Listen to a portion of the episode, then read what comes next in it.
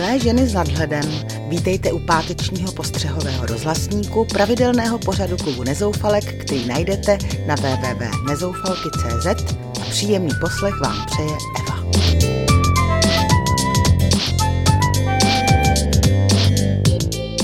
Pomalu se blíží advent a tak dneska trochu na duchovní notu. Nevím, co by řekla svatá Aneška Česká tomu, že se dneska vzájemně okrádáme, ale myslím, že by se jí hodně líbila nová píseň Václava Neckáře. 12. listopadu 89 byla svatořečena Aneška Česká. Podle legendy právě okamžik jejího vstupu mezi svaté měl přinést české zemi svobodu. A skutečně se tak stalo. Pár dní na to přišla sametová revoluce. Jenže když se podíváme, jak žila tato řeholnice ve 13. století, a jak jsme se svobody, kterou nám přinesla, chopili my ve století 20., najdeme minimálně pět rozdílů. Zatímco urozená Aneška dala před výhodným sňatkem přednost chudobě ve zdech kláštera, my jsme propadli touze po kapsách plných peněz. Zatímco ona pomáhala chudým a bezmocným, my nad nimi ohrnujeme nos. Zatímco ona jedla jen dvakrát denně a pravidelně se postila, my propadli obžerství v hypermarketech, zatímco ona chodila bosa a spala na holé pryčně, my se oblepujeme módními značkami a šopujeme, zatímco ona za svůj majetek zbudovala první špitál na našem území, my nemocnice o 106 rušíme. Milá Aneško Česká, musíš se obracet v hrobě, když vidíš, jak jsme s tvým darem naložili.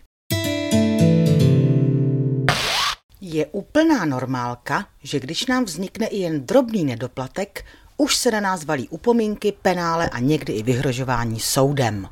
Pokud však někde máme naopak přeplatek a čekáme na jeho vrácení, mnohdy se vůbec nedočkáme. Dvojnásob to pak platí u některých dodavatelů plynu či elektřiny, kteří si přeplatky nechávají a započítávají do dalších záloh. Podle odborníků z D-testu v rozporu se zákonem, protože zadržování přeplatků je bezdůvodným obohacením. Energetické společnosti od zákazníků totiž získají bezúročný úvěr a mají i určitou jistotu, že si spíše rozmyslíme případnou změnu dodavatele energie. Mají nás doslova na háku. A přitom jsou to v tu chvíli naši dlužníci. Proto se braňme a vyžadujme to, co oni v opačné situaci požadují po nás – Vracejte nám svoje dluhy, stejně jako my je musíme vracet vám. Co mě v posledních dnech chytlo za srdce? Určitě píseň Václava Neckáře Půlnoční, které bych přála, aby se stala hitem letošních Vánoc.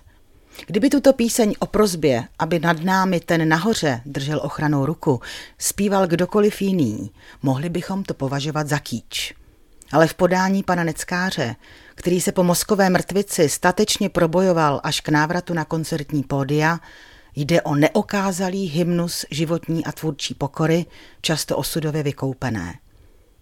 Není to ale pokus o comeback klasicky podepřený masivní reklamou a superlativy opentleným CDčkem. Půlnoční přišla s filmem Alois Nebel a přišla tiše a nikomu se nevnucovala. Nekřičí na nás – jenom šeptá a dojímá, a to dokonce i mladé lidi. Takže můžeme doufat, že to s námi ještě není tak zlé.